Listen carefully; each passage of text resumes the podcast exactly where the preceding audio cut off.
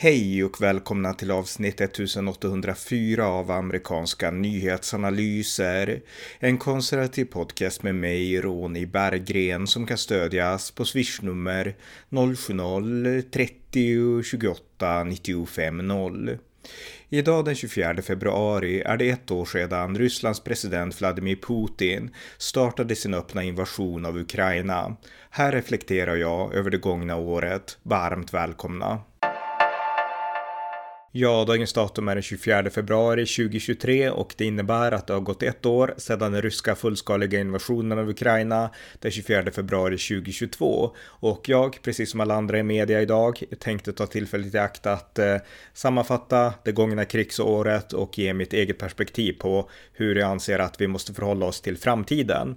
Men om vi backar bandet ganska långt, de flesta som analyserar det här kriget, framförallt ukrainare, de påminner ofta om att kriget började inte den 24 februari 2022, utan det började faktiskt redan 2014 när Ryssland intog Krim och när man började skicka in eh, proxysoldater i östra Ukraina.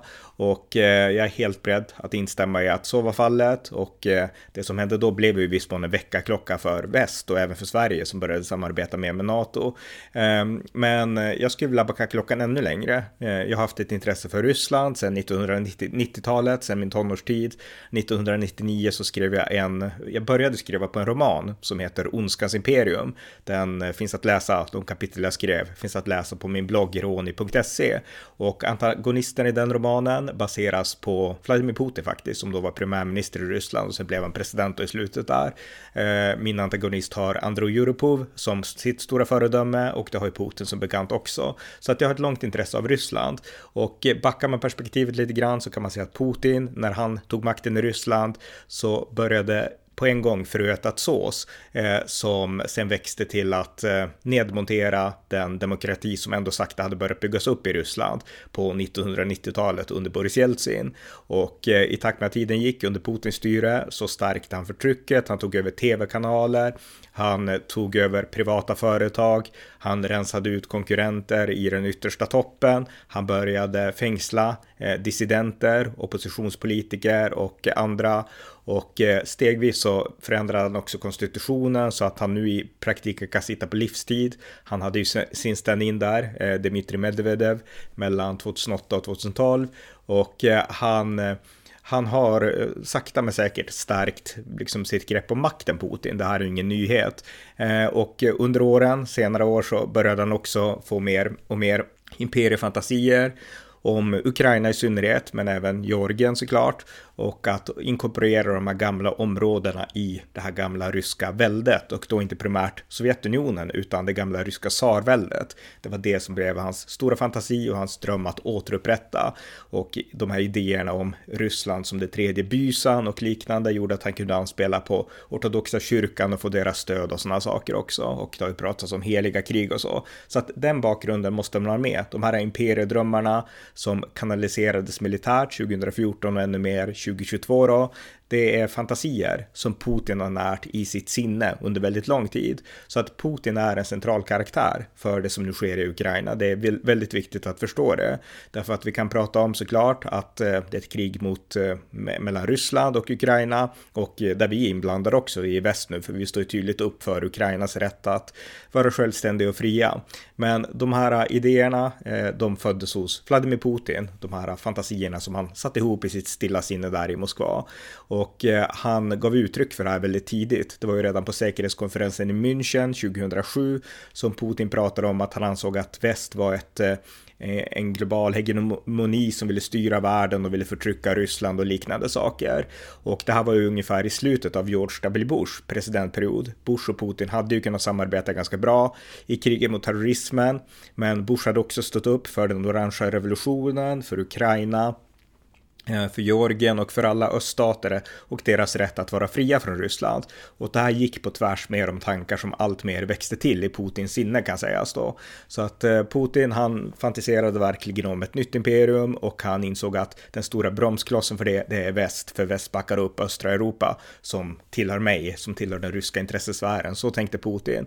Han höll sitt tal där och då Eh, lite senare, eh, ett halvår senare så förklarade George W. Bush att Georgien och Ukraina måste få komma med i NATO för det är det bästa sättet att hålla dem trygga. Frankrike och Tyskland som var helt inne på att vi vill gärna ha goda handelsförbindelser eh, och köpa energi av Ryssland, de var emot. Så att vare sig Georgien eller Ukraina kom med i NATO och eh, som vi vet så invaderade Ryssland först Georgien hösten där 2008 när George W. Bush definitivt var en lame duck president och eh, ja, sen kom då 2014 invasionen av Ukraina av Krim då när man tog Krim och började sina proxyoperationer i östra Ukraina. Så att eh, Putin har sakta men säkert byggt upp det som har hänt och det är väldigt viktigt att förstå det.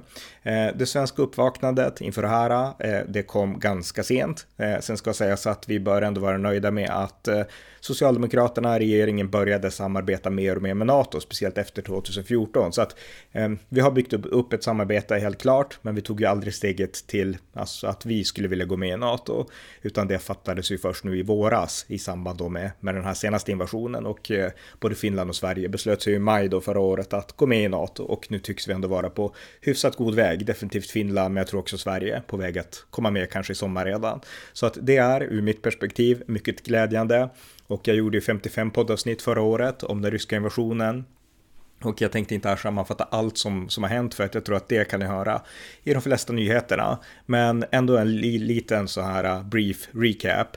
Eh, det, det, var den 24 februari då som eh, invasionen inleddes och dessförinnan så hade Ryssland eh, mobiliserat med 100 000 soldater eh, på gränsen mot Ukraina och man spred ju samtidigt massvis av desinformation om att här kommer ingen kommer invadera och så vidare och så vidare. Eh, och eh, sen så rullade man in med en stor pansarkolonn där mot Kiev den 24 februari. Putin höll ett tal där han pratade om en militär specialoperation. Han beskrev att den ukrainska regimen, det var en naziregim och nu måste man eh, det, det nazifiera eh, Ukraina, menade Putin då. Och det här var ju idéer som spreds också av, eh, tyvärr, av en svensk nyhöger, inte minst på sociala medier, även här i Sverige. Det var många som spred massvis av vansinnig propaganda, Oliver Stones dokumentärfilm och allt annat. Och eh, Parallellt med det så kunde världen se en modig ledare i Ukraina, eh, Volodymyr Zelensky, Ukrainas president. Eh, vi kan komma ihåg att bara eh, ungefär ett halvår innan så hade ju Afghanistan fallit som ett korthus när Afghanistans president Ashraf Ghani hade flytt landet när talibanerna närmade sig. Han lämnade helt rollen som ledare, ville inte ta fighten och man tänkte kommer Zelenskyj göra samma sak? Eh, USA hade erbjudit honom att, att fly, att lämna landet och Zelenskyj hade då svarat I need ammo, not a ride. Alltså jag behöver ammunition, inte en lift härifrån. Och Zelenskyj stannade kvar och eh, hans ledarskap eh, har betytt enormt mycket för Ukrainas framgångar. Han lyckades hålla landet samman, han lyckades presentera det ukrainska ansiktet utåt för världen, vilket var helt nödvändigt för att också vinna världens enhet i att backa upp Ukraina, vilket var nödvändigt då för att Ukraina skulle ha minsta chans. Så att Zelensky blev en hjälte där och då på en gång och det är någonting han verkligen förtjänar. Många från nyhögern och många som också svalde rysk propaganda försökte på något sätt eh, delegitimera Zelensky och det spreds massa propaganda mot honom på den tiden också tyvärr. Eh, men han Eh, stod fast vid sin roll som ledare för sin nation. Han enade landet och han höll fanan högt i kampen då mot det här ryska angreppet.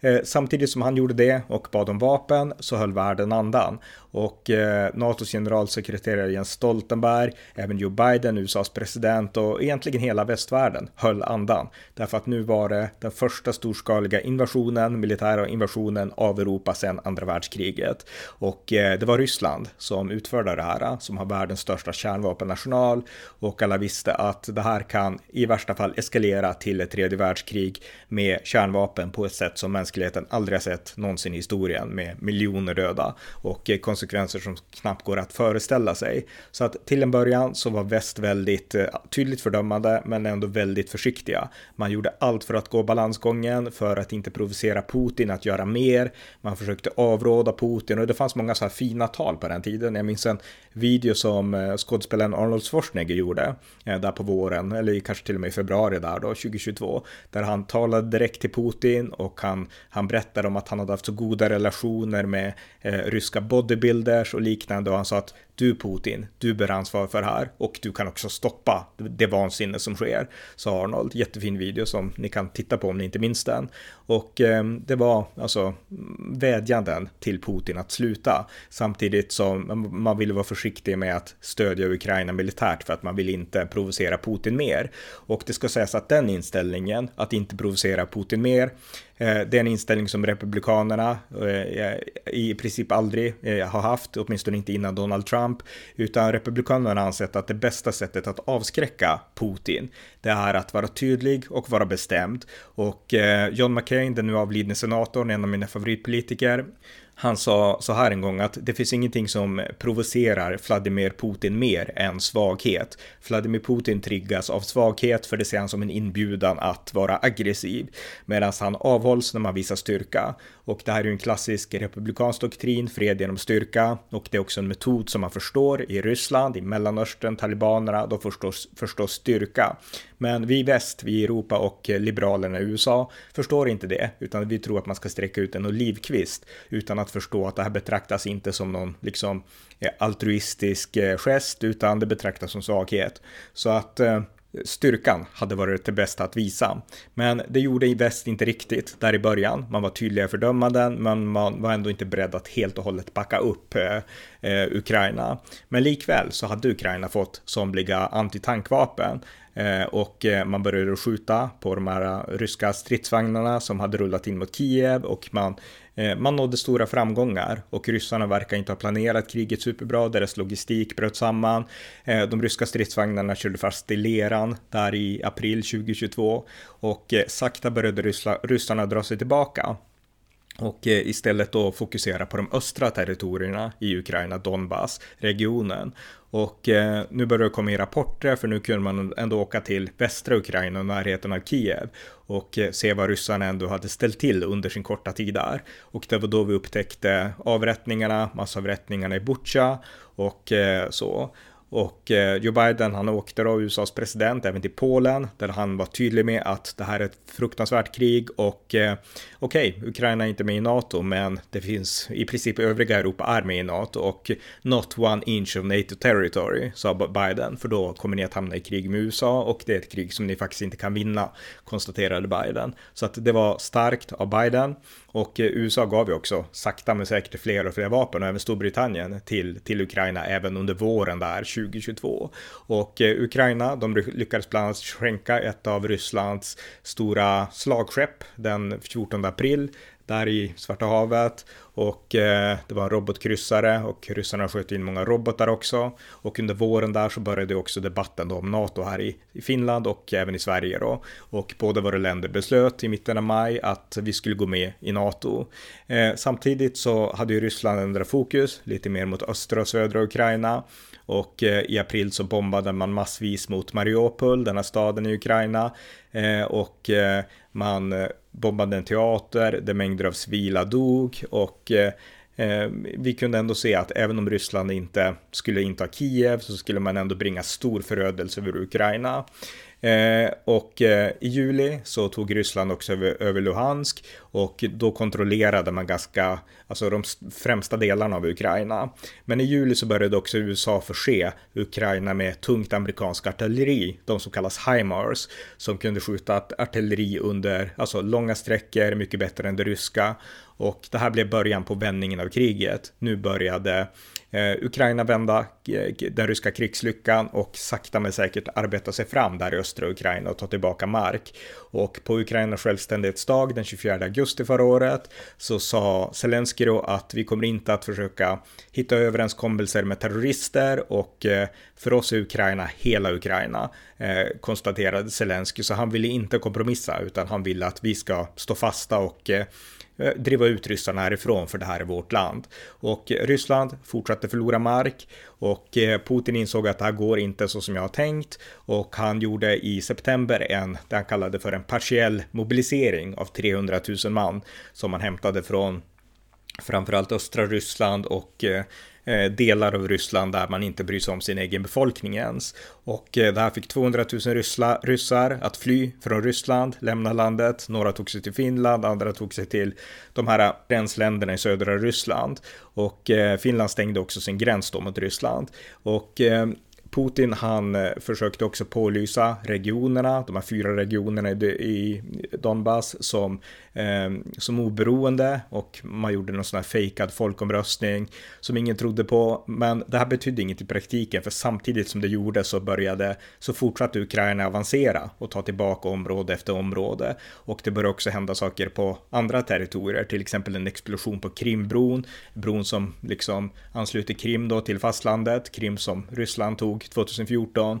Ryssland började flygbomba som svar och eh, ja, nu i november så tog Ukraina tillbaka Cherson och eh, Zelenskyj besökte sen USA innan jul och eh, Ryssland fortsatte med att slå till mot Ukrainas energi och sen i år då, 2023 så Eh, lyckades eh, Ryssland i mitten av januari inta staden Soledar i östra Ukraina, en av deras eh, få framgångar.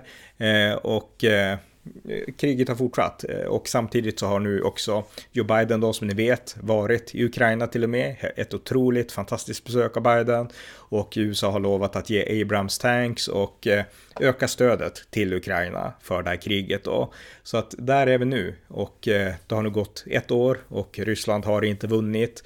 Ehm, Ukraina börjar ju få slut på, på ammunition tyvärr och vi måste förse dem med det.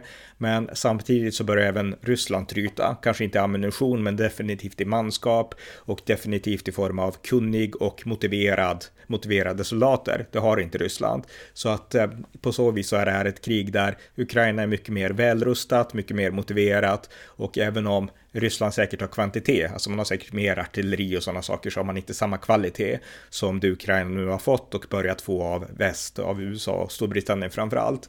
Så att eh, på så vis så går saker ändå åt rätt håll. Ukraina föll inte efter tre dagar eller efter tre veckor, utan de har nu stått på sig i ett års tid och eh, vi kan se, vi i omvärlden, vi i väst, att det är ett högt motiverat folk, ett flitigt folk, ett skickligt folk, ett eh, folk med stor patriotism men också en förmåga att eh, ta till sig de nya länder som de har kommit till. För det är några, jag vet inte hur många, men någon, flera hundratusen, kanske en miljon ukrainare som har flytt landet. Några har kommit till Sverige, andra till andra delar av världen. Och många av dem har visat att de är fullt kapabla att integrera sig och eh, de har verkligen imponerat Ukraina så att det finns mycket mer goodwill nu för Ukraina än det fanns tidigare. Och den här proryska propagandan som fanns inom vissa svenska kretsar för ett år sedan, den känns väldigt utdaterad just nu. Så att det är väldigt glädjande liknande. Och det vi måste göra nu i väst, det är att fortsätta stå upp för Ukraina, fortsätta hjälpa till med att eh, framförallt stärka Ukrainas försvar, därför att det är grunden till allt. Om försvaret faller så kommer det här att misslyckas.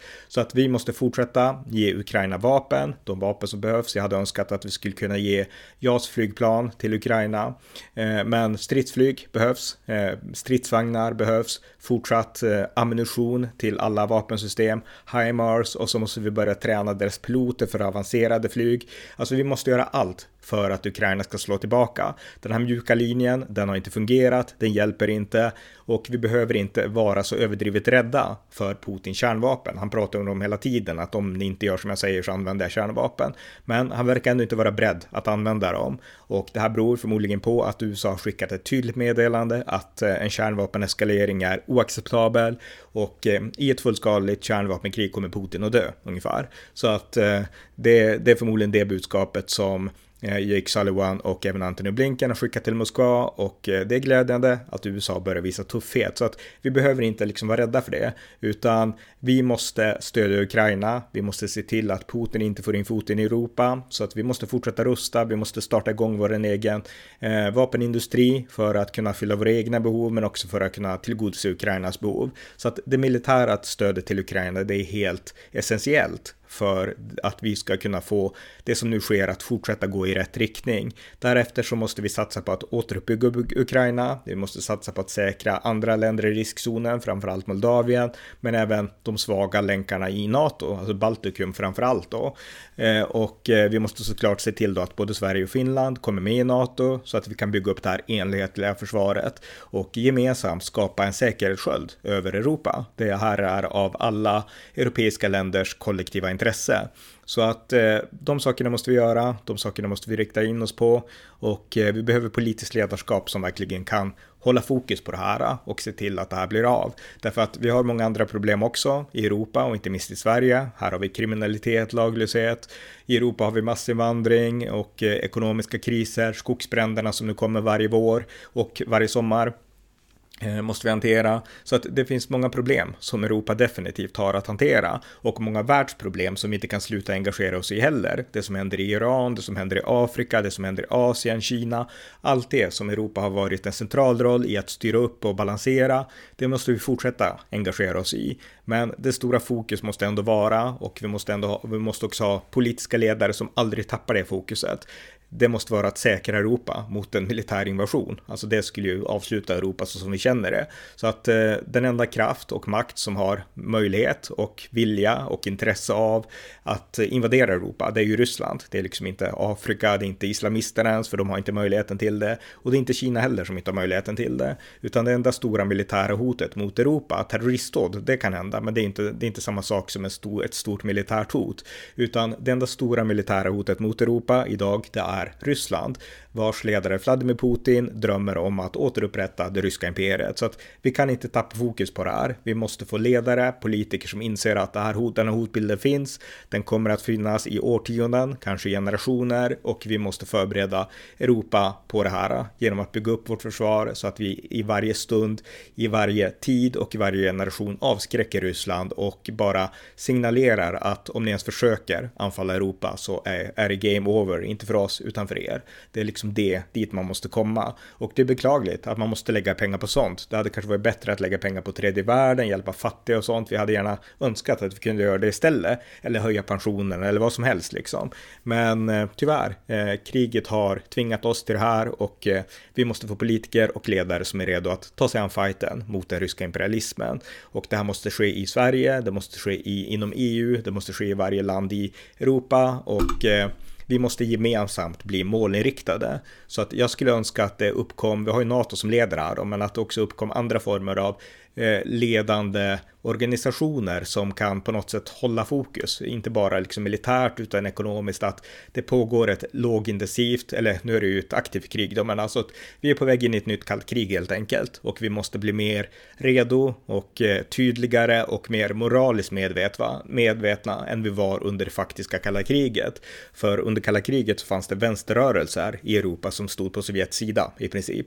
Och eh, så är det inte nu på samma sätt alls, så att nu måste vi skapa ett mer klarsynt ledarskap i Europa som bara kan markera mot Ryssland under lång tid att eh, vi går inte med på det här och vi kommer alltid att värna vår egen integritet. Så att det är det jag skulle vilja efterlysa så här ett år in i kriget. Stöd till Ukraina, fortsatt stöd till, till det här modiga folket som förtjänar världens eh, uppslutning och eh, omfamning och eh, uppbackning på alla sätt. Och även en ledarskapsförmåga att stå upp för Europas kollektiva säkerhet just specifikt mot Ryssland under lång tid framöver. Så att det är det jag hoppas på under ja, det som nu kommer inför framtiden. Och eh, närmast nu då är såklart en svensk och finländsk NATO-anslutning. Så att eh, det var bara några korta reflektioner, finns säkert mer att säga, men det var det jag tänkte säga just idag i alla fall.